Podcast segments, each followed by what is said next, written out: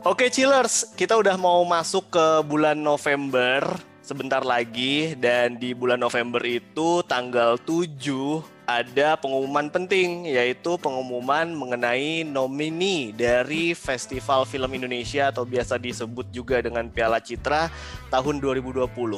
Ini kita bakal ngobrolin soal sebenarnya prediksi sih, prediksi tentang siapa-siapa aja yang kayaknya bakal masuk jadi nomini di kategori paling prestisius yaitu film cerita panjang terbaik. Pastinya gue nggak sendirian di sini, gue udah ditemenin sama salah seorang reviewer muda, Cailah dari student movie student movie watcher ya, bener ya? Betul betul betul. Yoi. ada Dava Ahmad, ada Dava nih di sini. Halo Dava. Halo. Halo, halo Adam, halo. Halo chiller semua. Gile, mantap. Apa kabar? Baik, baik, baik. Baik. Sendiri gimana, Dam? Gua gua deg-degan, cek. Anjir.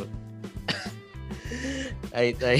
Waduh, gue deg-degan banget nungguin pengumuman gitu kan, karena sebentar lagi, lah gitu, gimmick bet dah. eh, gue jujur gue aja baru tahu loh 7 November nanti baru ada pengumuman lagi loh.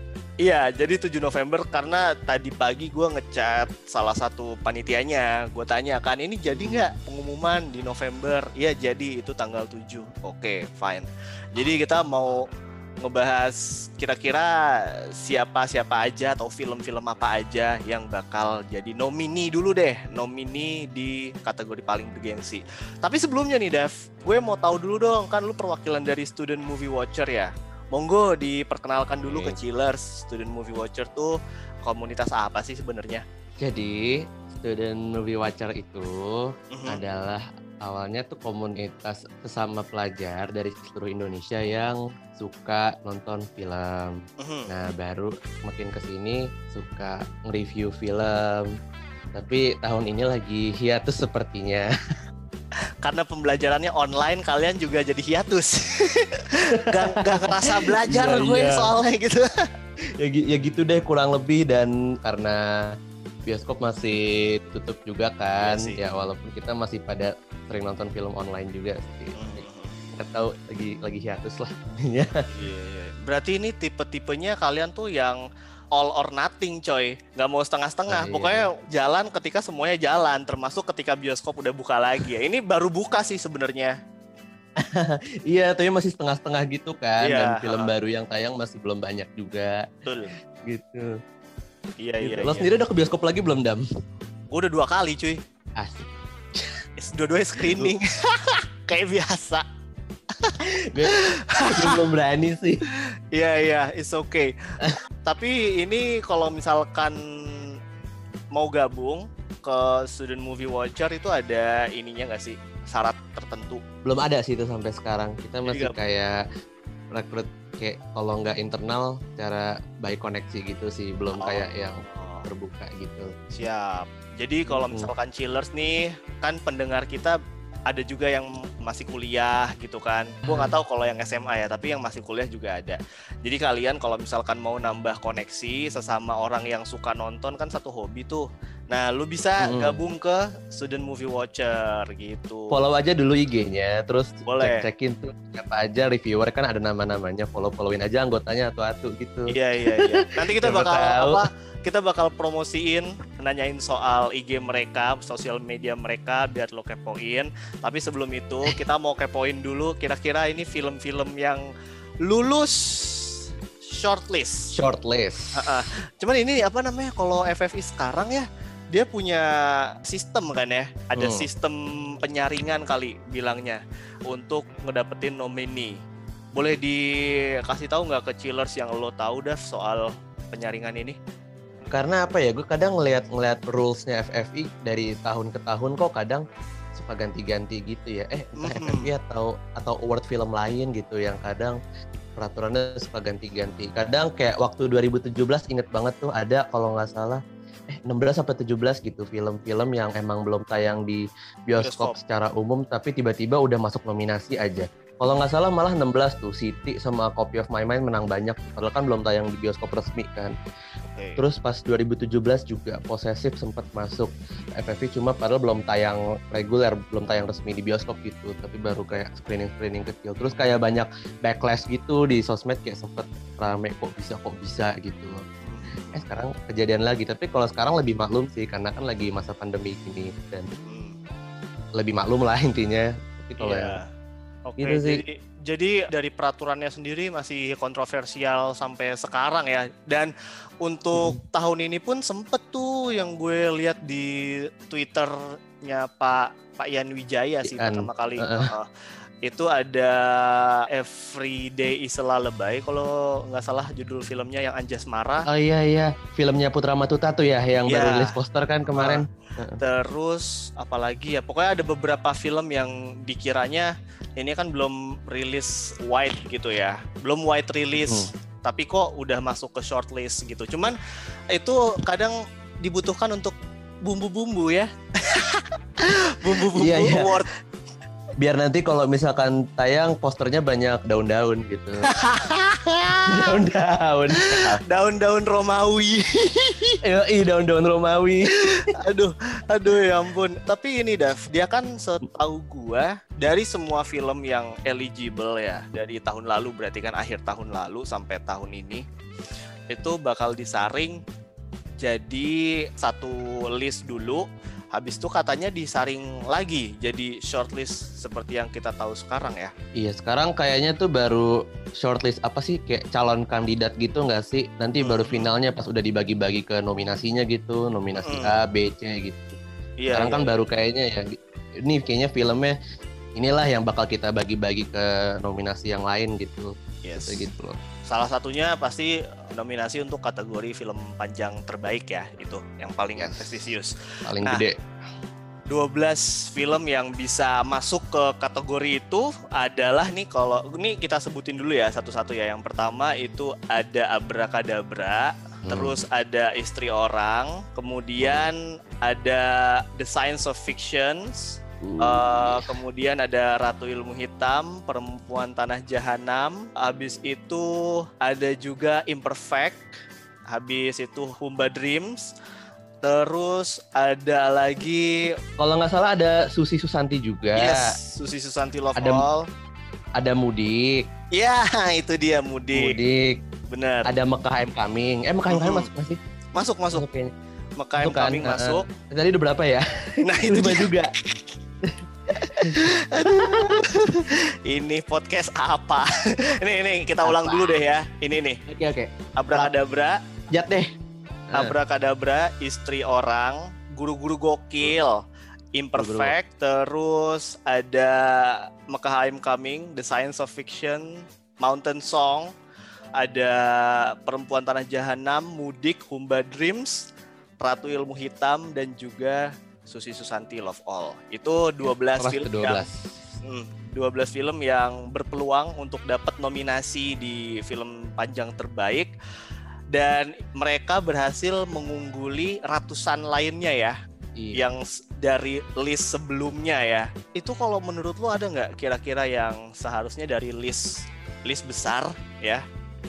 Itu Ini harusnya seratusan masuk film ya. iya list besar itu masuk ke shortlist. Apa ya yang kena snob gitu ya? Mm-mm. Kalau dulu Wah. kan, kalau dulu kan katanya ini, Dav, si Vincent Desta tuh apa nama filmnya? Pretty Boys. Pretty Boys ya kan, sampai ngamuk-ngamuk Oh, kan sineasnya. Kok gue nggak Oh, masuk? kalau sekarang ada nggak? Tahun ini ya. Aha. Apa ya? Soalnya eh, dari dari shortlistnya aja banyak yang gue nggak nyangka sih kayak Mountain Song, Istri Mm-mm. Orang, Mm-mm. sampai Science of Fiction bisa masuk aja padahal tuh kan belum tayang resmi ya. Gue Yes. Jadi kayak langsung gue kayak mikir lagi gitu, wah berarti luas banget ini apa kalau misalkan mau dicari film yang kira-kira snob gitu berarti Mhm. kandidatnya banyak banget ini dan lupa apa aja kira-kira kalau ini. Kalau gue yang masih kepikiran dari gue ada tiga, mungkin lu bisa bantu gue untuk ngasih pendapat ya. Yang pertama NKCTHI. Boleh. Gimana Iya, menurut lo? nggak masuk ya? NKCTHI nanti kita cerita tentang hari ini nggak masuk ke shortlist. What's your take? What's my take? Oh iya iya iya iya gue gue baru sadar juga itu film gak masuk shortlist. Padahal cukup ini sih menyentuh banyak orang sih walaupun orang-orang tertentu aja nggak semua. Haha, gue tahu nih. Iya kan? Wah, ini pasti yang di Jakarta Selatan nih. aja nih, yang di Jakarta Selatan doang nih yang nyentuh-nyentuh nih gitu kan. Yes, betul betul betul betul betul. Kayak kayaknya nggak semua orang kena sama ceritanya gitu loh mungkin walaupun hmm. dia berusaha berusaha kayak apa ya ngejual filmnya tuh kayak wah nilai sama ceritanya padahal kayak kenyataannya tidak gitu loh. Hmm. Tapi NKCTHI I think bisa sih harusnya masuk walaupun mungkin kayaknya nggak di apa sih nominasi film terbaik gitu. Hmm. Menurut gue filmnya decent kok dan well made gitu walaupun yes. script dan di pas di filmnya kayak setengah film terakhir tuh kayak udah cukup berantakan sih menurut okay. gue. Oke, okay, fine. Oke, okay, itu NKCTHI yang kedua Ya, Everyday Bay Putra Matuta. Kenapa? Karena dia kepilih jadi official selection di Busan. Menurut gua, kalau misalkan kepilih di festival film yang prestis ya, Busan kan prestis hmm. juga tuh, apalagi di Asia one of the best. Agak aneh aja gitu kalau misalkan nggak masuk shortlist. Apa mungkin gara-gara sempet diprotes ini film kok bisa masuk eligible akhirnya nggak masuk shortlist? Kayaknya gini, karena itu film belum ditayangin sama sekali gitu loh di Indonesia. Hmm. Sedangkan 12 film yang masuk shortlist itu walaupun belum tayang umum tapi udah pernah tayang semua gitu di yes. di bioskop Indo mau screening terbatas atau itu kayak contohnya tadi kayak Science of Fiction, Istri Orang sama Mountain Song itu tiga-tiganya udah tayang di JAV semua. Betul. Udah tayang untuk umum semua. Gitu iya, Science Jadi, of Fiction, Science of Fiction juga udah tayang di PIF ya waktu itu. Mm -mm. Mountain Song juga tayang di PIF kok. Oh iya. Kayak iya Mountain Song tayang di PIF juga. Oh, nah, gue lupa. Oke, oke, oke. Oke, jadi itu untuk menghindari kontroversi. Kontroversi sih. Hmm, baik. Ya wes. Cuman kita belum tahu apa-apa mengenai ceritanya. Kita belum bahkan footage yes. kayaknya juga belum ada ya footage. Belum ada. Belum itu ya. Baru poster doang. Iya baru poster doang dan dapat official selection di Busan. Film ketiga yang menurut gue mungkin layak tapi sayangnya nggak masuk. Nggak tahu sih ini filmnya ringan sih. Sabar ini ujian sabar ini ujian. Dia rilisnya bulan apa sih? Dia dia ada di dia ada di uh, daftar besar ada waktu itu gue cek. Oh iya iya iya. Wah itu gue belum nonton sih. Oke. Okay. tapi uh, kalau menurut tanggal kayaknya enggak kayaknya masih eligible juga sih. Karena kalau nggak salah kan film yang eligible masuk FFP itu sampai akhir September nggak sih? Oktober udah nggak yes. terima lagi. Eh apa Agustus malah? Lupa gue sebentar ini coba gue lihat dulu ya Nih, daftar film cerita panjang Festival Film Indonesia FFI 2020 periode 1 Oktober 2019 sampai 30 S 30 September ah. 2020. Jadi di sini coba kita lihat sabar ini ujian tuh JKLMN. Dia masih di list yang ratusan film ya? Yes, ini masih yang list gede. Oh, ya udah berarti itu sebenarnya oh, masuk nih sabar ini ujian ada nih Oke. Okay. Ada sabar eligible, ini, tapi nggak masuk shortlist gitu ya? Iya, eligible tapi nggak masuk shortlist. Nah, tuh sabar oh. ini ujian. Kalau dari gue sih dia nggak orisinil sih sebenarnya, tapi dia ngusung konsep yang uh, belum, belum pernah banyak. Gitu di Indo ya? Iya, bahkan katanya kan belum pernah gitu kan time loop movie pertama di Indonesia gitu. Cuman banyak yang bilang ini filmnya Anggi yang paling bagus banyak yeah, yang yeah. bilang gitu. Gue baca review begitu. Mm-hmm. Saya belum nonton nih.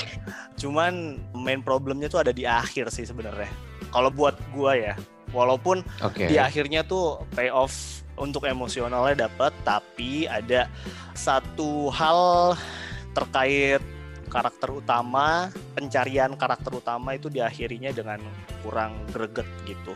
Nah itu sih kalau buat gua ya uh, antara NKCTHI si Everyday Selalu Baik sama Sabar, Sabar ini ujian. Sabar ini. Nah, lu kan udah nonton semua nih yang masuk ke shortlist 12 itu. Alhamdulillah. Mm-mm. Sebelum kita bedah atu-atu ya, mana yang menurut lu kira-kira ah ini nggak pantas nih masuk shortlist? Ada nggak? Kalau dilihat dari 12 film yang masuk shortlist itu mereka kayaknya bisa masuk shortlist itu karena ngangkat isu gak sih? Oke. Kayak dari 12 film itu tuh kayak ada isu penting yang mau dibahas gitu.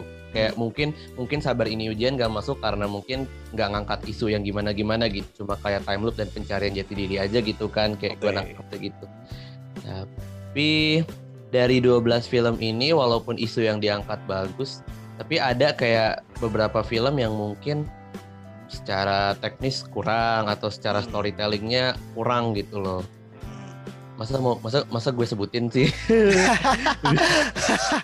nggak apa-apa kali semuanya namanya juga kan berpendapat nanti kalau misalkan lebih lebih jelasnya kan habis ini kita juga bedah satu-satu kan filmnya Oke oke oke. Yang menurut gua filmnya kurang, padahal mungkin niatnya udah bagus tuh ada dua, ada eh ntar lu.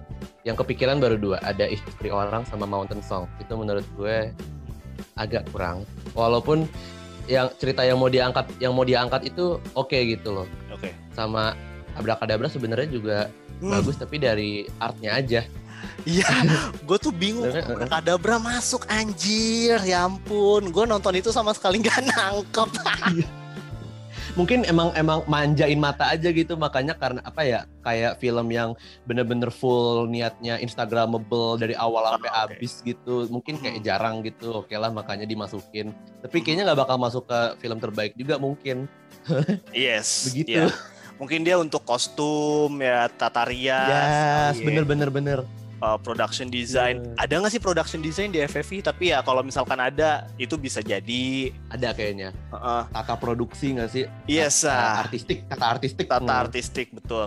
Nah itu Hmm. kan tadi yang menurut lo kurang nih. Ada nggak kalau misalkan yang menurut lo nggak expect masuk ternyata? Mekayem Coming Iya sih, bener. Mekayem Coming kaget gue Monggo, monggo. Kenapa?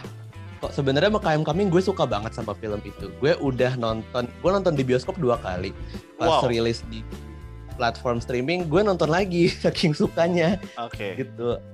Dan apa ya?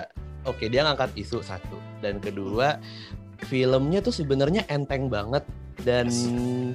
sangat menghibur gitu. Dan gue kaget bisa masuk shortlist anjir. Hebat aja sih sebenarnya. Iya, iya, iya. Itu Hanung bukan sih? Eh bukan, si ini Bukan, Jehan Angga. Jaihan Angga. Iya, iya, iya, iya, betul. Aha. Pertama kali gue tahu Mekayem Coming tuh dari Jav. Gue aja shock loh.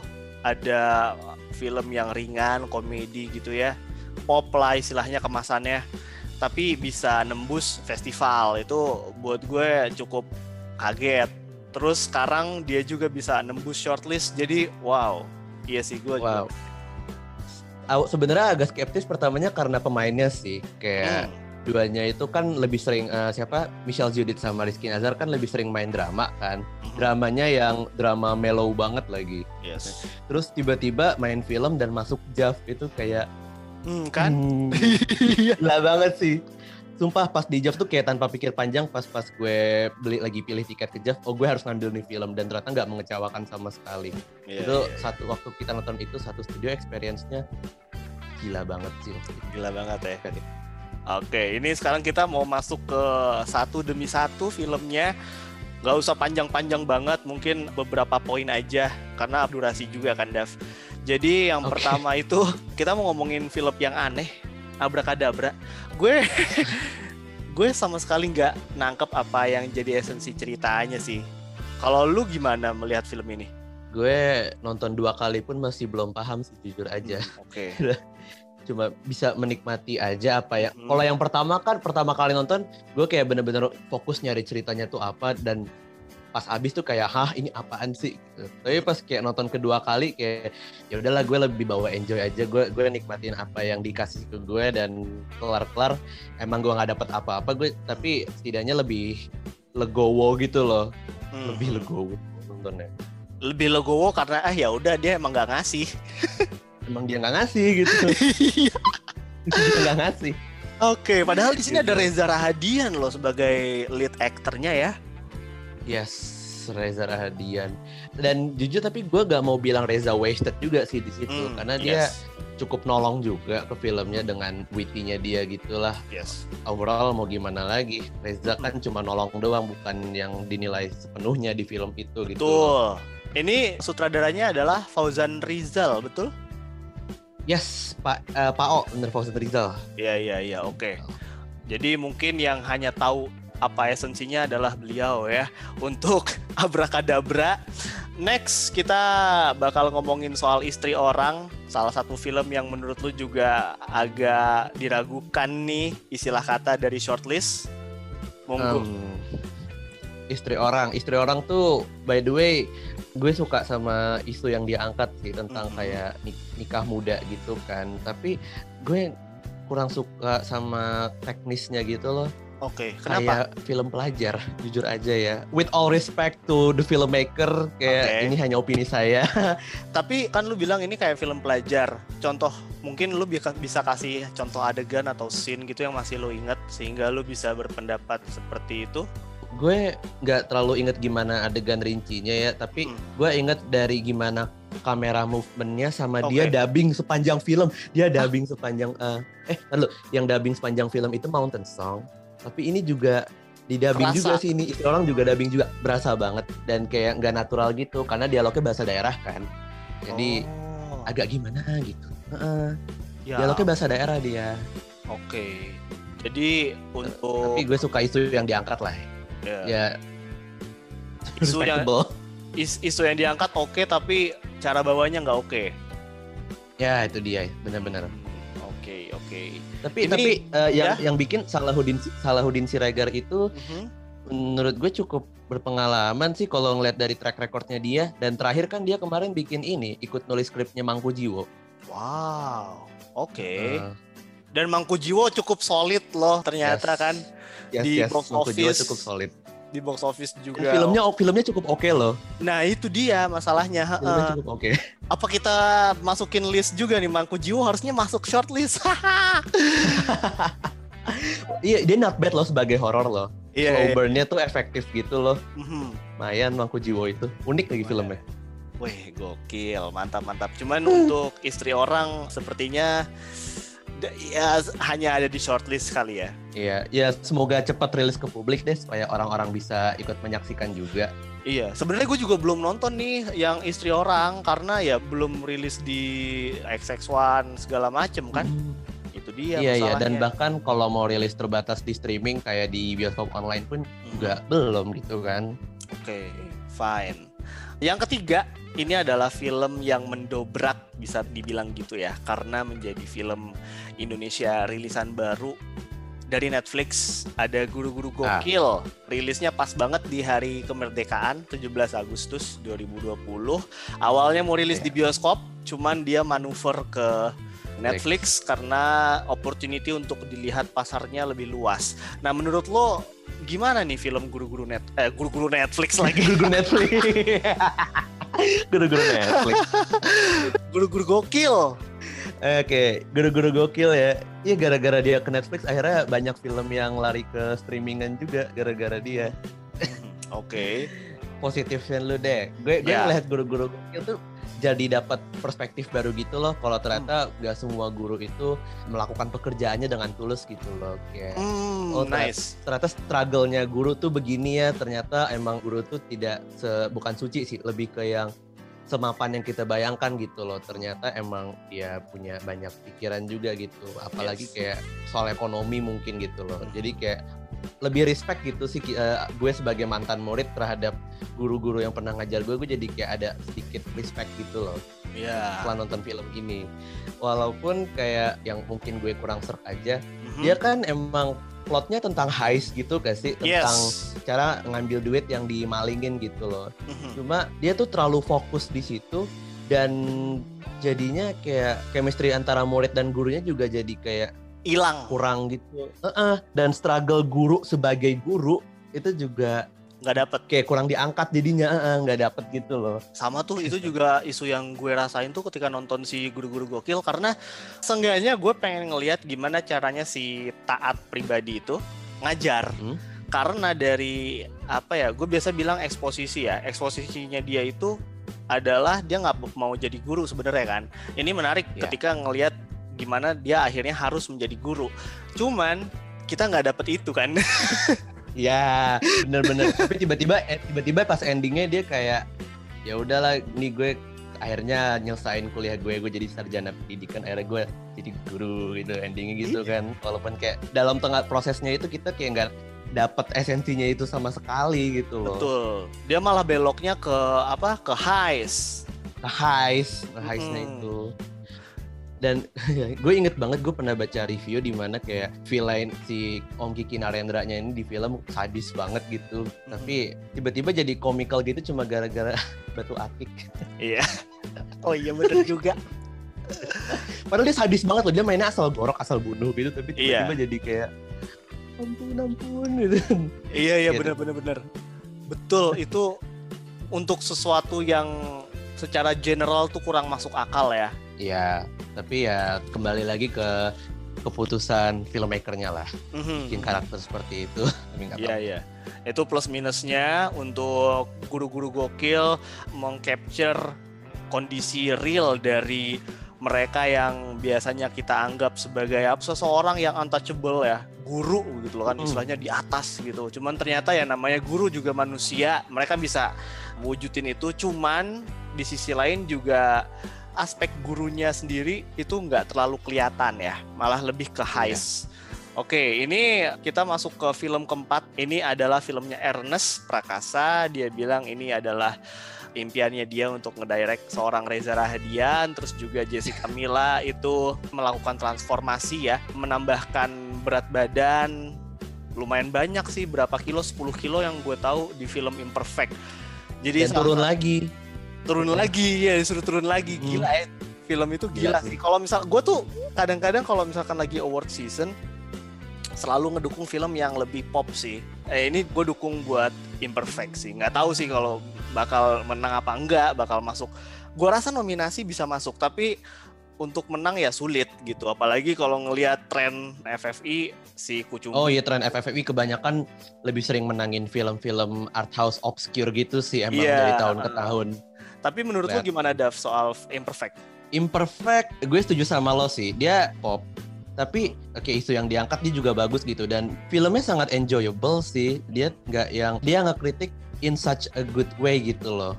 oke I have nothing much to say about Imperfect sih karena gue pun nonton itu sangat menikmati dan nggak ada masalah apa-apa sama film itu atau mungkin emang gue nya yang kurang melek aja gitu Eh, ini kan ada dramanya, ada komedinya. Itu menurut lo ngeblend bagus nggak di dalam filmnya? Oh yes, dan uh, gue ngerasa salah satu karya terbaik Ernest loh Imperfect ini.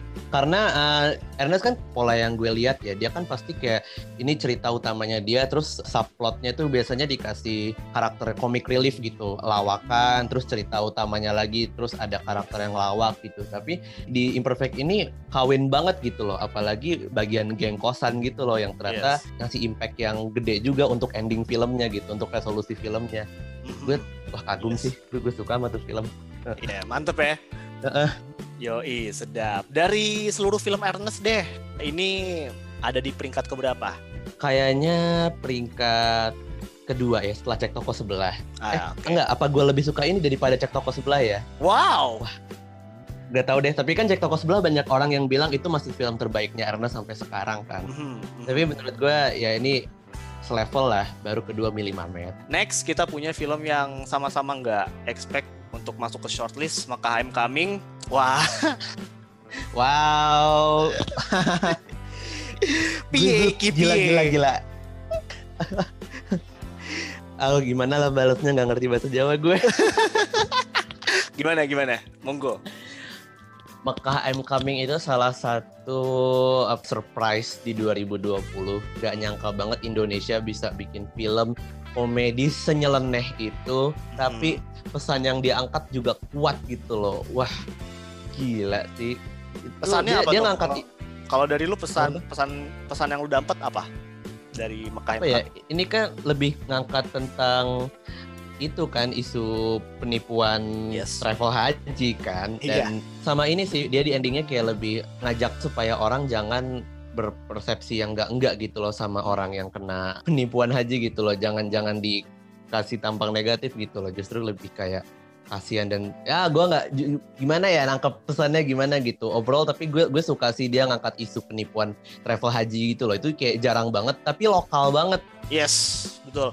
lokal banget gue ngelihat film itu ketika mereka ngangkat soal travel haji ini mungkin sesuatu yang lokal tapi kelemahannya adalah bisa aja di zaman di saat sekarang udah nggak terlalu relate gitu kan. Karena penipuan travel haji itu seingat gue 2000 berapa ya yang sampai dibahas di mana-mana tuh 2000 berapa lah gue lupa belasan tapi nggak 2020 itu salah satu kelemahannya tapi di sisi lain juga iya lu bener itu unsur kelokalan gitu. Dan ketika ada film yang bawa-bawa agama ah itu iya iya bener-bener. itu susah. Apalagi kalau misalkan dibawainnya secara komedi.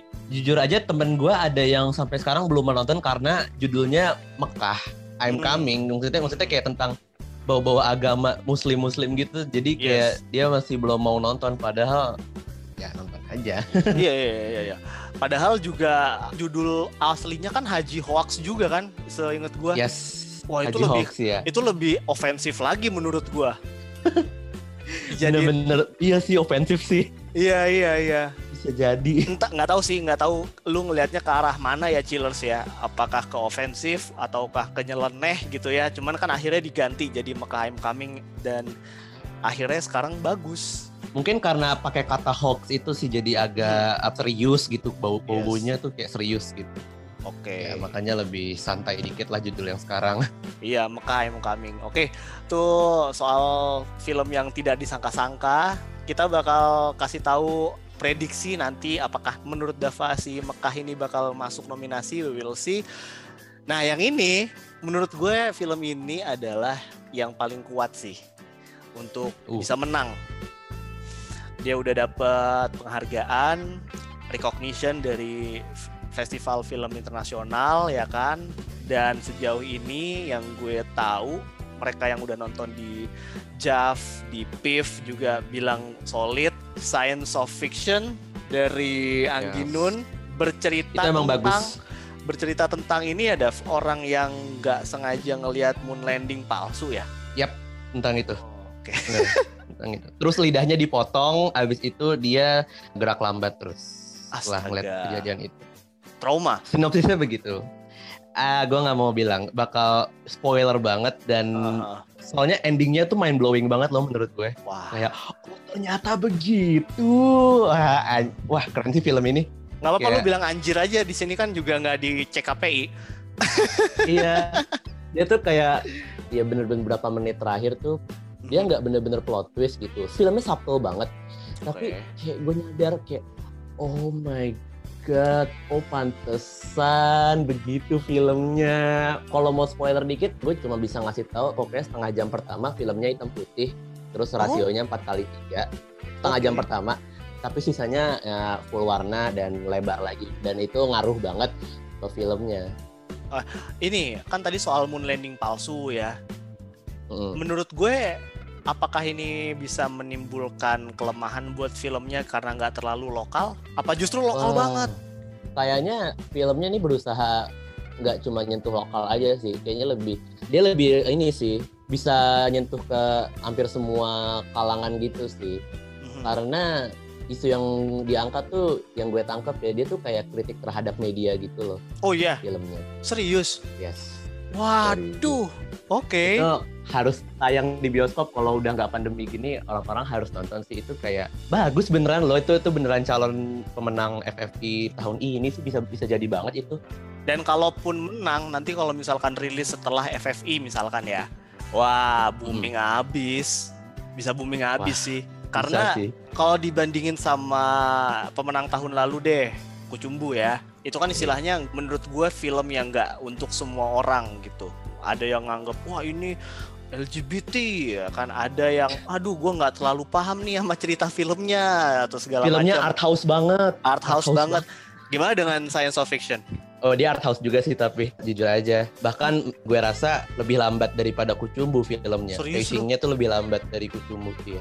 Gue no offense ya tapi gue waktu di JAV sempet kayak tidur sekelibat detik itu good gitu. Tapi langsung melek lagi Ah. gitu. tapi Tapi gue menikmati kok filmnya. Payoff-nya bagus banget. Oke. Payoff-nya dia bagus banget. Oke, baik. Sip, sip. Kalau gitu ya, salah satu yang dijagokan banget untuk menang FFI tahun ini, we will see. Judulnya adalah The Science of Fiction. Nah, sekarang kita masuk ke film berikutnya. Film yang juga rilis di JAV, yang rilis juga di PIF, tapi belum rilis secara wide. Mountain Song. So, Mountain Song what's your issue? Wah, lumayan sih. Jadi Mountain Song itu ceritanya tuh tentang seorang anak dari kampung yang nemenin ibunya ke sawah tiap hari. Tapi pas kayak anaknya itu disuruh nunggu kayak di saung atau balai-balai aja gitu pas ibunya ke sawah dan tiap hari begitu dan setiap anaknya nunggu tuh kayak dia selalu ngeliat ada pemandangan atau gimana gitu Mhm. kayak hawa-hawa khawatir dia akan kehilangan ibunya gitu si anak kecil ini. Tapi yang Insecure ya? masalah Insecure. iya lumayan sih menarik ceritanya cuma menurut gue dan kayaknya masalah orang lain alamin juga yang udah pada nonton Yes. filmnya kepanjangan padahal durasinya cuma 70 menitan doang Oh. karena filmnya terlalu repetitif banget kalau menurut Ah. gue ya filmnya ngulang-ngulang terus kayak gini lagi begini lagi tanpa kayak perkembangan konflik yang ketara banget gitu Oke. slow burn banget dan Ah. lama banget dan filmnya juga didubbing dari awal sampai habis gue jujur aja nggak nyaman ngedenger dialognya Da- dubbing dalam artian bukan pakai narator ya chillers. Kalau itu kan jelas gitu tujuannya. Ini dubbing literally aktornya ngomong terus ada berarti ini apa namanya balapan. bukan balapan lebih kayak cara penyampaian dialognya lewat dubbing itu kayak baca berasa baca banget Oh. Gitu loh. Nggak kayak ngomong natural ngomongnya kaku apalagi tuh pakai bahasa daerah gitu Mhm. bahasa Palu kayaknya Palu. kayaknya kalau kalau salah saudaranya soalnya orang Palu sih Oke. Gua agak lupa nih tadi sempat disinggung apa enggak. Yang mana yang lebih buruk kalau ngomongin soal film dubbingan? Si Mountain Song apa istri orang? Mountain Song sih Oh, Oke. maaf ya karena setidaknya istri orang itu punya cerita yang jelas dari awal sampai habis maunya apa tujuannya apa dan perkembangannya walaupun kurang tapi masih bisa dinikmatin gitu. Mountain Song sorry to say ya itu deh. Oke. Ya. ya udah nggak apa-apa. It's okay. It's free to give our opinion kan. It's okay nggak apa-apa. Buat Mountain Song we will see bagaimana nasibnya nanti. Cuman kalau yang ini nggak mungkin didubbing sih ini film perempuan tanah jahanam dari Joko Anwar yang nggak mungkin loh didubbing ya kan? Ini ya Joko Anwar. Ini film lu lebih lebih nyebut ke horor apa thriller nih? Gue nangkep film dibedakan antara horor sama thriller itu bukan karena setan atau enggak. Lebih Oke. ke aftertaste-nya gitu loh. Kalau horor itu yang Oh. bener-bener kayak membekas sampai lama gitu loh. Bener-bener haunting lo sampai ke rumah gitu. Hmm, PTJ tuh gue masih bisa bilang horor sih. Oke karena emang banyak rasa-rasa nggak nyaman aja selama nontonnya. Dan buat lo yang ngerasa kalau horor itu harus ada setan, di scene terakhir tuh udah muncul tuh. Iya dia setan ada kok, cuma emang bukan yang tujuannya menakuti aja, tapi Yes. setan Lebih ya gitu. dia tuh kelokalannya dapat menurut gue kutukan, ya kan? Iya iya. Heeh. Dia urban legendnya di desa itu gue rasa cukup believable lah. Hmm. Believable. Sama kayak gue waktu nonton film Sesat buatannya Samaria Guru-Guru Gokil juga, Yes. itu gue juga suka dia pembangunan urban legend di sebuah desanya itu believable banget gitu loh. Mhm. Bukan di sebuah desa gitu, ya gue sukalah yang lokal-lokal kayak gitu. Ya oke oke. Joko Anwar juga sempat bilang bahwa ini dari mimpinya dia. Oh ya? Heeh, dia kayak mimpinya gitu terus juga bikin ini juga lama gitu kan. Mungkin sempat ketahan juga sama pengabdi setan mungkin ya. Ya. Cuman itu dia kok bisa ya dia tuh bikin sesuatu yang kreatif banget gitu lah. ya Joko Anwar film-filmnya kan emang yang ide ceritanya selalu out of the box sih gue rasa. Yes, yes, yes. Kalau menurut lu gimana nih soal tensinya, terus juga soal kelokalannya kan tadi udah ya. Kita nggak tahu sih Hmm. ini dari desa mana. Apakah ini beneran urban legend dari desa tertentu juga nggak dikasih tahu kan ya?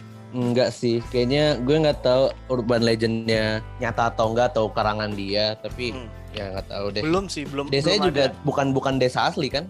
Yes, desanya juga bukan desa asli. Di sini leadnya dua orang sih awalnya ya, Marisa sama Iya, Tara. Tara. Gimana tuh lu ngeliatnya? Gue suka banget sama karakternya Marisa sepanjang Oke. film. Dia bukannya entrik sih, orangnya nyeblak banget, belak-belakan banget. Hmm, Tapi spoiler alert sayang banget dia dibunuh di tengah-tengah. yes. Padahal yes. karakternya bagus banget dan jujur aja sih sebenarnya setelah karakter dia digituin filmnya downhill. Oh iya, gue ngerasa. menurut lu gitu ya? Gue pertama kali nonton gitu setelah Marisa mati kayak filmnya tiba-tiba turun gunung. Tapi Oh, pas oke. nonton lagi ternyata oh ya lebih make sense lah. Mhm. Karena di satu sisi karakternya Tara di sini dia justru arc-nya itu makin dari awal emang ini kayak cewek biasa-biasa aja kayak ya pale gitu ya tapi semakin lama semakin dia tahu banyak hal justru semakin kuat ya nggak sih Ya arc-nya Tara emang begitu cuma ya performance dia di film itu gue kurang suka sih sebenarnya. oh iya oke oke oke fine Tara PTJ. Christine Hakim sebagai supporting She's amazing as always kayak yes badass banget. iya iya iya dia pernah nggak sih main film horor gitu Itu film horor pertama dia nah kan katanya. Makanya ini keren banget tiga orang ini yang jadi punggawa filmnya walaupun di luar itu ada Aryo Bayu juga ya kan sebagai Oh iya iya iya. dalang. Aryo Bayu gue juga suka dia di situ. Beda banget sama Aryo Bayu biasanya yang ngomongnya kan gue merhatiin Aryo Bayu di film-film lain kan dia orangnya lebih kayak yang ya witty gitu lah. Kalau nggak witty kayak banyak senyum atau gimana. Tiba-tiba di sini jadi dark banget karakternya serius dan wah gue suka sih Aryo Bayu di situ. Beda Kayak ya. atmosferik banget performance dia di situ tuh. Oke. Nah ini juga kalau ngomongin soal perempuan tanah jahanam, seenggaknya ada dua poin yang pengen kita bahas. Yang pertama adalah scene yang disukain sama banyak orang, dianggap salah satu penulisan scene terbaik juga di film Indonesia modern sama Mas Salman Aristo di episode lalu-lalu podcast Sinatalk. Wow. Heeh. Scene di ini Jalan tol. namanya? Jalan tol, heeh. Itu emang sih hands down salah satu opening film Indonesia atau ya terbaik gitu yang pernah gue lihat. Dia wah gila sih. Dia kan awalnya cuma ngobrol doang kan dan dari obrolan itu aja kita kayak udah otomatis udah kenal gitu. Si Tara tuh gimana karakternya Marisa gimana karakternya terus tensinya bangun lagi. Makin gede makin gede makin gede. Wah kayak asli bagus banget openingnya. PTJ itu bagus banget. Iya iya iya. Mantep ya. One of the best. Heeh, iya one of sih. the best Itu lu kalau nonton PTJ ya, Chillers jangan sampai ke skip misalkan ya ke skip di awal. Kalau di bioskop ya ke skip di awal itu. Itu jangan sampai telat masuk kalau dulu Heeh. tuh bilangnya itu soalnya dari scene itu aja udah gokil banget filmnya kan. bahkan di opening itu sebelum dia mulai serius banget gitu mulai ada action dan segala macamnya Mhm. dari obrolan mereka berdua aja gue udah kayak tertarik banget gitu dari cara mereka ngobrol dari topik obrolannya belak belakan banget gitu loh Yes. tentang itu Dan satu lagi itu yang gak gue sangka adalah ada satu sequence gitu di mana si Tara ini udah nginep di rumahnya yang dulu. Pokoknya itu, itu gue lihat di Twitternya Joko Anwar sih. Ini mungkin lebih ngarahnya ke kelokalan sih karena itu salah satu poin yang penting juga kan untuk jadi nomini FFI. Itu Oke. adalah sumber cahaya di situ tuh kalau kata Bang Jokan ya seinget gue itu menyimbolkan orang lagi main wayang lighting di rumah itu lighting yang ada di rumah itu yang ada di scene itu ya kan dia kan gerak terus kan terus kameranya ngikutin ke ke mana pun si aktor bergerak. Kalau nggak salah si aktornya tuh kayak megang lilin seingat gue ya di dalam rumah Iya, karena iya, rumahnya iya. kan nggak ada listrik sama, sama sekali kan. Si Tara kalau nggak salah yang lagi ada di sini tuh dan Jokan bilang itu sebenarnya representasi dari permainan wayang gitu dan ngelihat bahwa film itu lokalnya dapet banget Jawa banget dan memang ada karakter dalang di situ dan kutukannya pun berkaitan juga Gitu. dengan itu Iya. dengan wayang Iya, jadi secara garis besar seenggaknya nih film punya kekuatan banget di unsur lokal ya. iya bener sih bener sih Walaupun di sisi lain gue sempat baca berita dokter Tompi bilang nih kalau misalkan bikin film yang bener dong karena ada adegan eh, jemur oh tete. dia dia itu ya dokter kulit ya Tompi itu ya Iya, gitu. Iya. Itu nggak tahu sih apakah jadi pertimbangan juga gitu kan di adegan tersebut. Cuman itu adegan bikin- Tapi gue ragu sih kayaknya kalau FFI bakal maksudnya ngulik sampai ke situnya. Mungkin biasanya kalau nggak apa sih juri atau ya anggota itunya pasti ngeliat kayak secara keseluruhan garis besarnya aja gitu nggak sih kayak Yes. apa yang mau diangkat atau kayak unsur-unsur kelokalannya seperti yang lo bilang tadi gitu. Mhm. Kalau kayak perintilan kayak tadi itu mungkin emang orang-orang dengan profesi ter- tertentu atau kayak ya gitulah yang merasa tersentil gitu loh. Minor ya. Heeh. Baiklah. Ini PTJ baru aja kelar kita obrolin. Sekarang kita masuk ke film yang dirilis di Mola. Ini adalah film yang pertama Hmm. kali gue tonton di Mola. Mudik. sama. gue nggak expect sih ternyata Mola yang nayangin gitu kan. Biasanya kan Netflix gitu. Mungkin kalau sekarang kalau saat itu sih belum ada Disney Plus ya, ya kirain Netflix. Ternyata Mola TV. Wow. Mola TV yang biasanya orang buat nonton bola doang. Iya, gue nonton Liga Inggris di situ, coy. Liga Inggris, Bundesliga, gitu kan. Ini ternyata ada film Indonesia rilisan baru juga, gitu. Eksklusif. eksklusif di Mola TV. Kemarin di Sinetol kan sempat ngobrol juga sama Mbak Lala. Dia bilangnya dia ketemu sama pihak dari Mola dan Mola tuh pengen membantu istilahnya untuk mengembangkan industri perfilman di zaman pandemi. Cuman mereka waktu itu belum tahu gimana caranya. Cuman Ah. akhirnya ditemuin, ditemuin lah sistem yang pay per view kan. Ya udah. Akhirnya rilis deh tuh si Mudik. Gimana menurut lo Mudik nih? Intinya eh, enggak intinya sih. Ya worth it lah untuk 17.000 ribu gue. Pay per view di Mola. Oke. Oke. Eh tapi gue bayar lebih untuk bayar di untuk nonton di bioskop itu misalkan beneran tayang gue juga ikhlas kok. Emang emang oke kok filmnya itu. Hmm. Balala tapi bilangnya Eh, Balala bilang mudik gak bakal ke bioskop, tapi cuman oh ya sayang banget. di IG live waktu itu dia bilang kayak gitu, cuman dia bilang kalau misalkan ada pemutaran terbatas, misalkan lu bikin gitu ya buat temen-temen lu, itu masih bisa. Cuman kalau misalkan wide release di bioskop, dia bilang sih enggak. Mudik tuh nggak bakal ke bioskop. Hmm. Wah, padahal mudik itu menarik sih menurut gue. Gue suka banget ngelihat itu lagi unsur kelokalan lagi. Apalagi di sini tuh bener-bener diliatin desa dan karakter orang-orangnya itu loh. Kayak- Hmm. Manis busuknya orang-orang di situ tuh dikasih lihat gitu loh. Tuh kayak Yes. suka banget. Dan pergelutan konflik batin tiap karakter utamanya tuh kayak Chef's Kiss lah, Asmara Abigail, Putri Ayudhya. Wah, Iya, kayak- ya apa banyak yang bilang kalau hal yang dibahas di sini tuh mengenai uh, peran dari seorang perempuan. Ya mungkin itu sih ngangkat perempuan selain dalam rumah tangga tuh dalam pandangan sebuah komunitas nggak sih? Kayak selalu Hmm. dianggap yang lebih itu ya sama yang ini pas apa siapa namanya baru si Putra Yudenya habis nabrak orang gitu di rumah sakit terus diwawancara terus kayak kenapa istrinya disuruh nyetir mas gitu Oh, Oke. ya, ya, itu kan kayak kesannya ya gitu perempuan selalu dianggap yang lebih Inferior. juga gitu Cuman dilihat di sini yang menarik juga adalah Adrianto Dewo sih. Adrianto Dewo itu sebelumnya kan menyutradarai Tabula Rasa yang I love punya that film so much punya keceriaan gitu kan. Ada keluarga, Kehangatan segala macam. Terus dia kayak shifting gitu nggak sih di film mudik ini yang benar-benar sorrow, yang Sorrow. Clue. Walaupun gak jauh dari tema dari tema keluarga juga Yes. sih. Mungkin Uh-uh. kayak dia mau ngasih tahu kayak the ups and downs of a family gitu loh, bahwa Mhm. keluarga bisa ada yang bener-bener menemukan kehangatan dan keceriaan di dalamnya dan ada juga yang bener-bener harus lepas dari ikatan keluarga gitu loh. Hmm, oke. Sih. Menarik lah. Menarik ya. Sedap lah Mhm. ini. Mudik gitu. Lu bisa saksiin di Mola TV. Bayarnya berapa tadi? 17.000 ribu ya? 17.000 ribu, Ah. Jadi ya nggak harus langganan paket lain-lain langsung aja klik pakai apa mudik langsung nonton. Iya Terus- itu yang gue suka tuh dari si mudik ini dan sekarang kan ternyata bioskop online juga punya punya sistem yang Punya. sama kan. Mm-mm. Jadi menurut gue kalau ngomongin soal adjustment di masa pandemi harusnya sih filmmakernya udah udah bisa gitu. Tinggal gimana kitanya yang nonton gitu loh.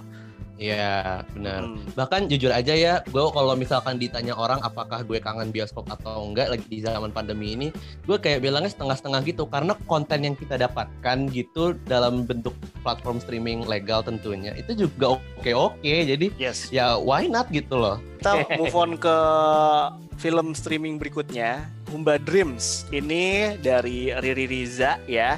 Gue nggak tahu ya kalau menurut gue ya, Dav ya. Kalau ini film okay. ibarat kata ya, ibarat kata itu di Oscar gitu misalkan. Ini tuh kayak Once Upon a Time in Hollywood.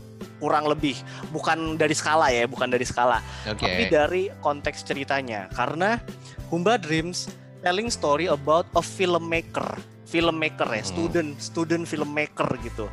Ya biasanya sih kalau misalkan awarding awarding begini, apalagi Oscar kan, banyak aja gitu yang bilang kayak Oscar always love movie that tells their story Hollywood story or film story or filmmaker story whatever it is gitu. Nah, FFI nggak tahu nih. FFI pernah nggak sih? Eh ada nggak sih tiap tahun film yang tentang telling about movies gitu selain A Copy of My Mind kayaknya belum ya. Tapi A Copy of My Mind Jarang -jarang. gimana? Dia dia menang Best Director dan Best Actress. Wow. Waktu itu. Best director mungkin bisa Riri Riza ya mungkin ya bisa, bisa, bisa jadi pemenang gitu. Cuman kalau best aktor atau best actress gua rasa di sini kan dia sama debutan masih kurang ya. kayaknya. Hmm, masih hijau mm -hmm. gitu ya. Nah, tapi kalau untuk best movie kayaknya it's good but uh. not that good. Itu okay. sih gue rasa. Kenapa? Monggo monggo diulas dong. apa ya gue gue nonton Humba Dreams itu ya merasakan perasaan yang damai aja sih sebenarnya sih kayak pokoknya esensi dari si karakter utamanya ini mencari kayak jati diri kenapa gue harus stick to what my father do gitu mm. ya tersampaikan lah kan emang itu kan kalau nggak salah ini diceritakan yes. tentang si orang ini yang kayaknya idealis banget dia pengen balik ke Jakarta cuma ternyata bokapnya kayak punya pesan, pesan. yang belum tersampaikan gitu kan yes lebih hmm. kayak oh ternyata di Sumba ini di Sumba ini ternyata banyak orang-orang yang gue sayangi juga gitu dibandingkan gue harus mengejar cita-cita gue sendiri ke Jakarta kenapa enggak gitu mengembrace orang-orang yang yang gue temuin. Kan dia di sana ada temennya di yang siapa sih? Yang dia itu penyiar radio itu nggak sih penyiar radio lokal iya dia penyiar radio tapi uh-uh. kalau nggak salah main episode security nggak sih gue gue lupa nama perannya uh-huh. siapa gitu okay, okay. sama ada di situ ada Uli Triani kan jadi love interestnya juga yes. sama keluarga keluarganya gitu gue lebih ngerasa itu sih daripada coping with someone's death lebih ke ya gitu gimana caranya gue bisa mengembang orang-orang yang gue temuin dan gue sayang ini gitu loh daripada mm-hmm. gue meninggalkan mereka gitu gue lebih dapatnya ke situ sih oh oke okay, oke okay, oke okay. iya ya berarti secara nggak langsung film ini bisa berbicara untuk sesuatu yang lebih luas ya ya uh-uh. Padahal durasinya oh, bentar kan? Iya durasinya bentar. Kalau dari penyutradaraannya, dari sinematografinya, ya lu bisa ngedapetin apa yang lu ekspektasiin ketika sebuah film itu bersetting di Sumba ya indah yes. ya kan landscape dan ini lebih kayak gue ngerasanya kayak art house uh, passionnya of Riri Riza sih maksudnya hmm. dia di bioskop ngerilis bebas tapi di samping itu dia juga bikin Humba Dreams yang kayaknya lebih pelan yang lebih hmm. ngefeel gitu loh dibandingkan yeah. yang ngepop kayak bebas kemarin gitu. Iya, yeah, betul. Dan masuk ke dua film terakhir. Hmm, ini lu mau pilih dah, mau yang horor apa yang doku drama? Uh, biopik ya. Yeah, biopik, biopik ya. Berarti kita ngomongin soal um, boleh deh. Susi Susanti nih. Susi. Yoi, Susi Susanti Love All. Ini Boleh Susi deh, Susi Susanti. Susanti. Yang bikin uh, sutradaranya gue baru ini baru denger saat itu namanya. Bentar. Tapi ini adalah film yang Tim F, Tim F. Sim F ya juga diproduseri oleh Daniel Mananta bukan sih yang produser ini? Yap, Daniel Mananta ya? Uh, ngebahas soal living legend Susi Susanti dan pastinya nggak mudah sih untuk meranin sih lebih ke aktor ya bagi bagi Laura Basuki untuk dapat memerankan orang yang masih hidup. Iya. Oh iya gue baru kepikiran tuh Laura Basuki tuh kandidat banget itu masuk Best Actress tahun ini nih. Wis, kandidat banget. bener cuy. Uh. Gile. Gimana menurut lo filmnya? it was okay. Ya gue suka sih sama perkembangannya Susi Susanti dari apalagi pas kecilnya sih, pas yang masih kecil tuh kayak berasa banget terus pas udah gedenya lebih tone down dikit walaupun kayak gue merasa klimaksnya itu malah terjadi di tengah-tengah gitu loh. Terus makanya okay. kayak sepertiga film ke belakang tuh kayak udah kayak jadinya datar aja gitu. Walaupun dia masih berusaha mau masih ber- masih berusaha untuk ngangkat konflik-konflik gitu di belakang tapi kayak gue ngerasa kok jadi nggak sepenting itu lagi rasanya karena klimaksnya udah kejadian di tengah gitu loh. Mhm. salah satu lombanya kan kalau nggak salah di film itu si Susi tuh lomba berapa kali gitu. Tapi lomba yang paling klimaktik yang paling gede malah ditaruh di tengah-tengah. Sedangkan setelah itu masih ada lomba-lomba lagi. Jadi kesannya kayak ya gitu sayang banget sih nggak ditaruh di belakang. Kayak anti walaupun klimaks ya. Ya kesannya kesannya jadi kayak anti klimaks walaupun kayak ya it was okay gitu loh it was Hmm. okay Oke. Kalau menurut gue dari pandangan lu ya, itu karena di akhir itu mereka mau ngomongin soal dampak dari kerusuhan saat itu. ah Heeh, Oke. Dampak dari kerusuhan itu kan salah satunya bagi para atlet itu adalah mereka nggak dapet surat Eh, yang itu nggak sih apa namanya surat tanda warga negara gitulah. Oh iya iya iya, iya surat keluarga su- ah gitu-gitu deh lupa namanya apa Iya. Jadi di sini gue ngelihat ada subtext gitu yang dia bawa kalau kerusuhan 98 itu juga berdampak ke banyak hal termasuk ke mereka yang memperjuangkan negara di olahraga gitu. Iya iya, bener bener juga sih. Di pas di bagian belakangnya emang lebih fokus ke situnya dibandingkan ke the whole sports thing atau ke Mhm. susinya sendiri gitu kan. Iya, iya, iya. Eh.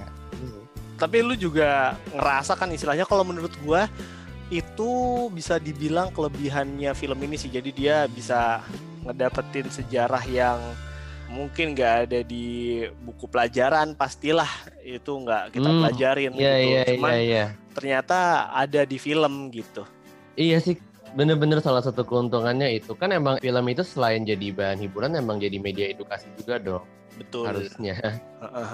Walaupun tidak dalam cara yang nyekokin banget gitu loh. Mhm. Bener bener bener. Jadi itu sebenarnya juga ada dua temen gua di situ yang bekerja di film tersebut jadi kru gitu ya. Oh oke. Heeh, dan role-nya tuh unik. Jadi mereka itu adalah periset tim risetnya, tim riset sejarahnya. Ah, Jadi iya, iya. mereka cuman fokus di situ, nggak ngurusin skrip. Jadi mereka benar-benar ngurusin data soal sejarah yang ada. Terus akhirnya ya kalau misalkan film ini punya kedalaman dari sisi sejarah yang nggak pernah diketahui sama orang umum, itu sih nggak heran gitu. Ada namanya Mas Teddy Andika sama satu lagi tuh temen gue anak Cineverse juga ternyata dia namanya Dimas Satrio. Jadi dua orang itu. Tapi timnya kalau nggak salah ada tiga atau empat gitu. Oh, ada timnya juga. Mm-mm, ada timnya juga gitu.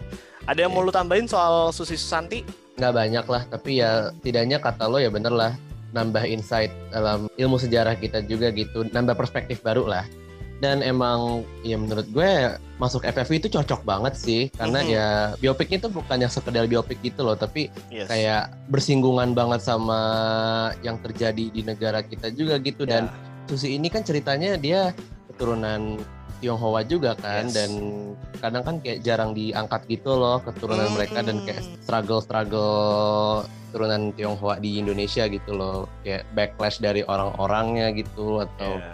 ya gitulah struggle-nya Marginal. ah ya Ini sekarang kita masuk ke film terakhir yang ada di shortlist. Tadi kan lu pilihnya biopik dulu. Nah, berarti sekarang yang horor nih. Horor, rame, ya kan? Gue Iya, sempat baca tweetnya Chandra Aditya. Kocan Iya, iya si Kocan dia bilang kalau misalkan horor modelan gini tuh seru karena apa? Karena korbannya tuh banyak gitu ya. Ini ada Yes. Ratu Ilmu Hitam disutradarai oleh Kimo Stambul ya. yes Mm-mm. Jangan sampai ketukar tuh sama Timo Cahyanto beda tuh. tampangnya udah jauh banget gitu Udah jauh banget ya. Cuma kan belakangnya jauh banget. doang gitu kan. Belakangnya Timo Oh, iya. sama Kimo ya jangan sampai ketukar Kimo. tuh. Gue menonton film ini harapannya ya, harapannya adalah Kimo itu kembali ke roots-nya ya. Karena kita tahu Timo sama Kimo dia nyutradarain si apa Rumah Dara rumah darah gor-gor gitu kan Yes, ada sadis-sadisnya gitu. Tapi di awal tahun 2019 itu kita disuguhkan dengan Dread Out kan. aduh Which is di disutradarain sama si Kimo juga ya kan Dread Out itu lebih pop Yes. kemasannya anak muda cuman flop ya Isinya kan? anjing-anjing doang. iya gitu doang Anjing, Eh, anjing, anjing. gue tahu tuh dari karakter yang mana tuh Eh, akhirnya dia di sini balik lagi dan ekspektasi gue ya dia find back his root and he does gitu menurut lo gimana Dav? Gue suka sih Roti Ilmu Hitam tuh seru banget sih buat ditonton ramean atau kayak ya kalau lagi viewing party sambil mabok rame-rame itu nonton gituan seru banget. Iya iya. Terus kayak kalau misalkan mau dipuji juga apa ya seru aja sih kayak dari segi artnya atau atau enggak Hmm. segi itu kan make up sadis ya, eh, gitu-gitu kan nggak gampang gitu loh dan craftsmanshipnya wah luar biasa sekali film itu Iya. seru banget Walaupun di akhir juga pas di scene yang penyiksaan-penyiksaan itu ada sedikit inilah flag atau kekurangan di bagian again visual efeknya yang di api-api itu kayak eh Oh, kelihatan itu ya. agak kelihatan fake ya tapi overall gue bisa ngelihat highlightsnya di situ emang highlightsnya Kimo banget. Salah satunya adalah si bagian yang ngiris pakai pisau itu. Waduh Eh, ja, itu itu gue pas nonton tuh kayak ya anjing nih gila ngapa ini apaan anjir ini apaan anjir gitu sambil itu Iya, tuh kayak gak itu- ngerti lagi idenya. gue deh. nggak gue nggak nggak nyangka itu itu kan istilahnya dipengaruhi ya dia Eh, Iya, sama energi negatif yang ada di rumah itu di panti itu. Cuman dikelabui gitu. iya dikelabui cuman ay gila eksekusinya jadi digituin. Jadi kayak wow ini ini kimo banget dan ini works banget nih scene yang ini gitu ya. Terus ada yang pakai apa sih yang ke mulut itu? Yang anak-anak Eh, pakai jepretan mulut. gitu lah Mm-mm. oh, iya iya iya apa namanya tuh kayak staples yang Staples. stapler yang gede gitu nggak sih yang Yes. jegrek jegrek jegrek gitu. Iya, walaupun Wah. di akhirnya lepas juga gitu ya. Apa Iya. itu dilepas sendiri gue nggak ngerti. Cuman film Iya tuh ini tuh agak pl- plot hole-nya lumayan sih pas ke bagian ke belakang tapi kayak termaafkan gitu nggak sih kan karena Iya. sepanjang filmnya udah menyenangkan gitu soalnya. ya yang kita harapin dari Kimo itu dibayar gitu di film ini lewat highlight-highlight scene seperti itu gitu ya. Yang bagian Tanta Ginting juga yang di dalam bis itu ya. Itu kan itu eh, bisa dibilang visual heavy banget karena ada serangga-serangganya gitu kan. Itu lumayan menurut gue mungkin karena serangga gitu ya terus juga dark Hmm. agak dark di situ nggak terlalu kalau api kan kalau api kan kelihatan banget ya cerah Iya, apa segala Menurut macam gue yang paling paling kasar visual efeknya pas bagian api itu sih itu tuh paling Iya. kasar sih. Heeh. Tapi kalau yang lain kayak apa ya? Kalau masalah visual efek di film Indonesia tuh kayak jarang komplain, misal walaupun mereka agak kurang juga karena gue kayak sadar diri gitu loh oh SDM di kita masih kurang atau gimana Duit. gitu ya mau gimana pun duit ya lu belak belakan banget sih langsung nyebut duit ya ya ya gitu deh tapi Ya, menurut kan lo Dav menurut lo Dav gini gue mau tanya. Ya. Apakah ini situasinya itu kita punya duitnya mereka punya duitnya tapi Mhm. memutuskan untuk nambahin cash aja dibanding ngebagusin visual? Oh iya bener juga ya. Yang main tuh film kan kelas A semua itu. Ya dan ensemble kan? Iya. Bisa jadi budgetnya habis di itu tapi ya ka- kan emang kadang kalau lagi post pro kan banyak kejadian tak terduga gitu loh. Kadang kayak ya gitu duitnya udah habis di mana tiba-tiba ya ya udahlah seadanya Hmm. gitu ya. Ya gitulah kita nggak ada yang bisa tahu rahasia di balik dapur. Iya, itu yang kayak gitu-gitu yang ngurusnya produser lebih ke produser kan ya? iya iya produser. Iya bener sih produser lain produser biasanya. Lain produser. Tapi ya itu sih, once gue lihat film ini, gue ngerasa gue pengen dapetin apa yang biasa Kimo bikin dan ya film ini deliver itu jadi ya termaafkan lah ya.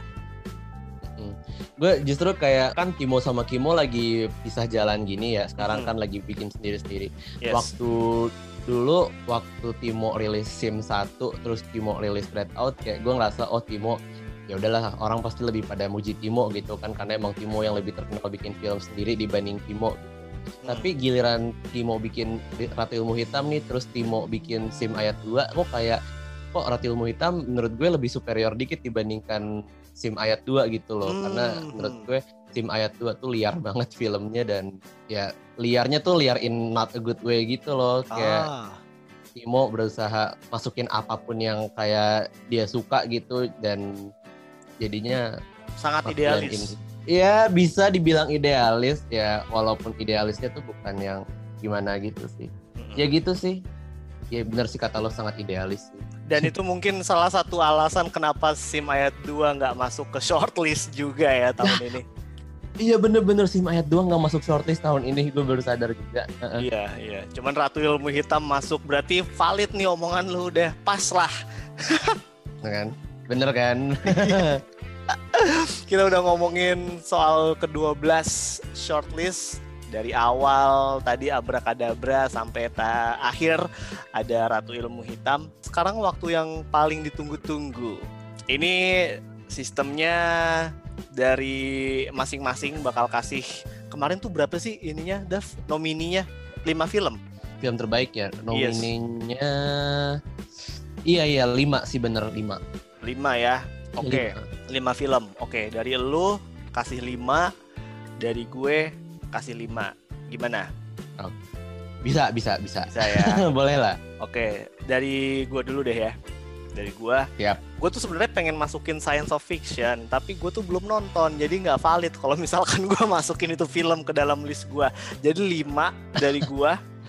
5 dari Eh. gue itu adalah Mudik, Umba Dreams, Imperfect, eh Susi Susanti Love All, dan satu lagi itu sebentar.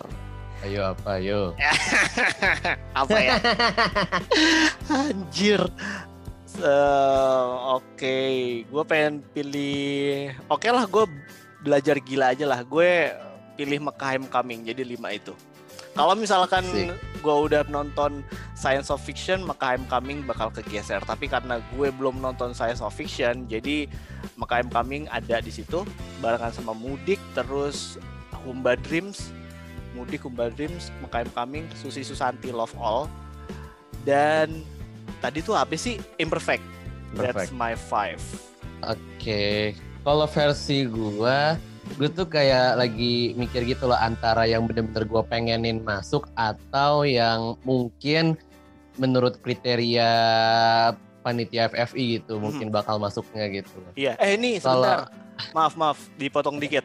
Kalau ngomongin soal ketentuan kriteria ya, ini ada nih Mhm. kriteria dasar penilaian. Film-film yang lolos Oh, ada. kurasi diharapkan memenuhi visi FFI secara tepat sebagai supremasi tertinggi perfilman Indonesia dan pencapaian kerja artistik yang seharusnya dijadikan tolak ukur saat ini. Jadi ada lima, ada lima. Pertama tuh gagasan sama tema. Kedua kualitas teknis dan estetika. Ketiga profesionalisme. Keempat kepekaan terhadap prinsip keberagaman. Oh ini yang bineka tunggal ika itu ya. Yang terakhir itu originalitas.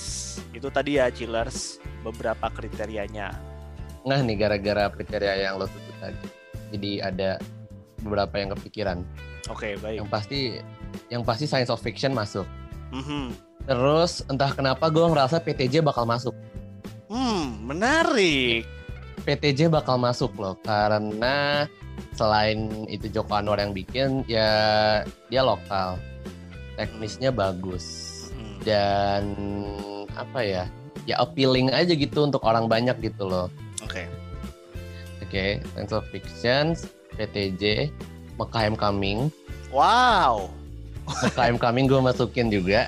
Itu lo bela itu lo belajar gila apa emang ada ininya emang yakin ada pertimbangannya karena Oke, apa ya?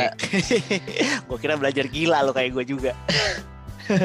Soalnya ini Mekah Coming itu selain filmnya beda teknisnya tuh wah itu butuh craftsmanship yang tinggi loh untuk bikin film kayak Mekah Coming gue rasa. Oke. Soalnya kan kayak sebenarnya pernah kan ada kayak terlalu tampan pernah rilis di sini tahun lalu dan yes. gue ngerasa kayak mirip-mirip gitu loh cara cara dia menyampaikan komedinya gitu. Cuma Hmm. Coming ini bener-bener jor-joran dari awal sampai habis nggak tahu malu.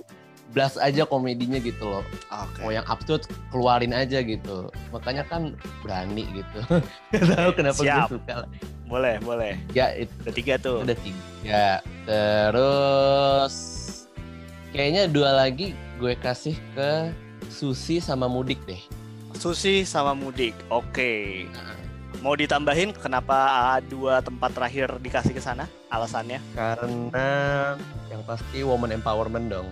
Oh iya iya bener juga loh. Ya Iya iya iya iya. Isu sosial. Iya, dan PTJ kan juga kurang lebih Woman empowerment juga. itu sih. Ah ya, walaupun subtle sih, nggak yang kayak dua itu. Kalau yang dua itu kayak hardcore banget ya bro. Iya kayak lumayan hardcore sih sebenarnya. Yoi. Lumayan. Iya. Apalagi Oke. yang terakhir tuh kan si Putri Ayu dia bilang ke Ibnu Jamil tai. Iya, tai. Iya iya iya, eh gue baru inget dia sempat ngomong tai di situ. Iya iya. Gila itu. Gokil. All my love lah tuh Putri Ayu dia.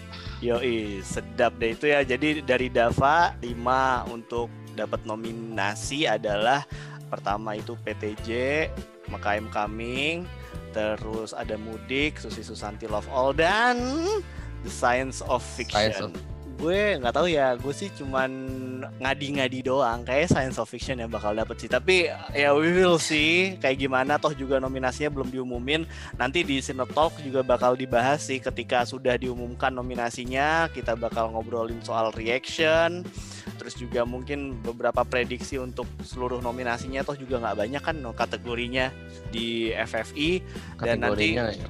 Heeh.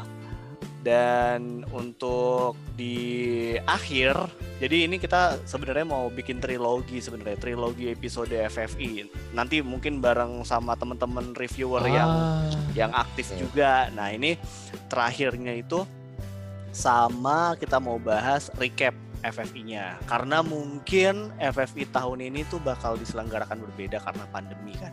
Gitu. Oke. Apakah kayak Emmy kemarin gitu? Ya, itu nggak tahu sih gue. Apakah kayak Emmy atau kemarin sih Indonesia yang aktor itu Indonesia Oh iya itu itu live di studio kok. itu live di studio ya kan walaupun PSBB transisi. Nah, makanya ini kita bakal update terus karena apa? Karena FFI merupakan barometer paling tinggi dari perfilman Indonesia. Jadi kita harus support, harus dukung dan harus selalu kasih saran untuk kepanitiaan dan acara terbaik. Betul? Betul sekali. Yoi, Betul kalau sekali. gitu deh. Thank you ya Dav udah gabung ke Cinetalk episode 39. Thank you juga Adam. Yoi. Ini dong kasih tahu IG Student Movie Watcher dan IG pribadi lo dong buat di follow-follow. Iya, follow aja ya di Instagram at Student Movie Watcher gabung semua sama IG gue at Dafahmat. Harusnya kan nama gue Dafa Ahmad tapi A-nya digabung aja jadi Digabung. satu. Oke, siap. Dava. Di kalau di Twitter lu kan ada di Twitter ya ada Ahmad juga kan? Iya, tapi namanya at Dava Future karena yang Dava Oke. Ahmad blokir. Waduh. Ngomong apa lu keblokir? Oke, eh kagak. Student Movie Watcher di Twitter ada kah? Ada, tapi kayaknya nggak Oke. aktif dia di Twitter deh. Tapi ada. Namanya apa? At STD Movie Watcher kayaknya. Siap, nanti bakal kita kasih tahu ke lu ya chillers langsung aja follow ke mereka, lihat review-reviewnya, lihat kegiatan-kegiatannya dan juga jangan lupa gabung karena di situ lo bisa nambah relasi, nambah pertemanan juga dari seluruh kampus yang ada di Indonesia. UI ada UI. UI se, se, se, se- se- tidak tidak. Eh Serius lu? belum ada UI. Wah, UI kacau. kayaknya nggak ada. Eh kita eh kita tuh waktu itu gabung ya pas masih pada SMA, terus baru deh sekarang udah kuliah gitu. Oh. Makanya namanya student kan, karena Yes, yes, yes, yes. gabungnya masih kecil gitu. Tapi tapi UI belum ada nih perwakilan UI. kayaknya nggak ada. Oh, Binus, Adanya Binus. ITB, Binus ada, Binus ada. Wih, Binus sedap. ada. Oke deh, kalau Iya, alma mater ya sama lu ya. alma mater gue dua soalnya kalau nggak UI binus dua kan gue sempet pindah Oke. kampus Oh, oke. jangan Siap, ditiru siap, jangan siap, ditiru siap. oke deh kalau gitu thank you banget ya Dav Thank you, thank you Yo. Adam. Bye Dav Dah. iya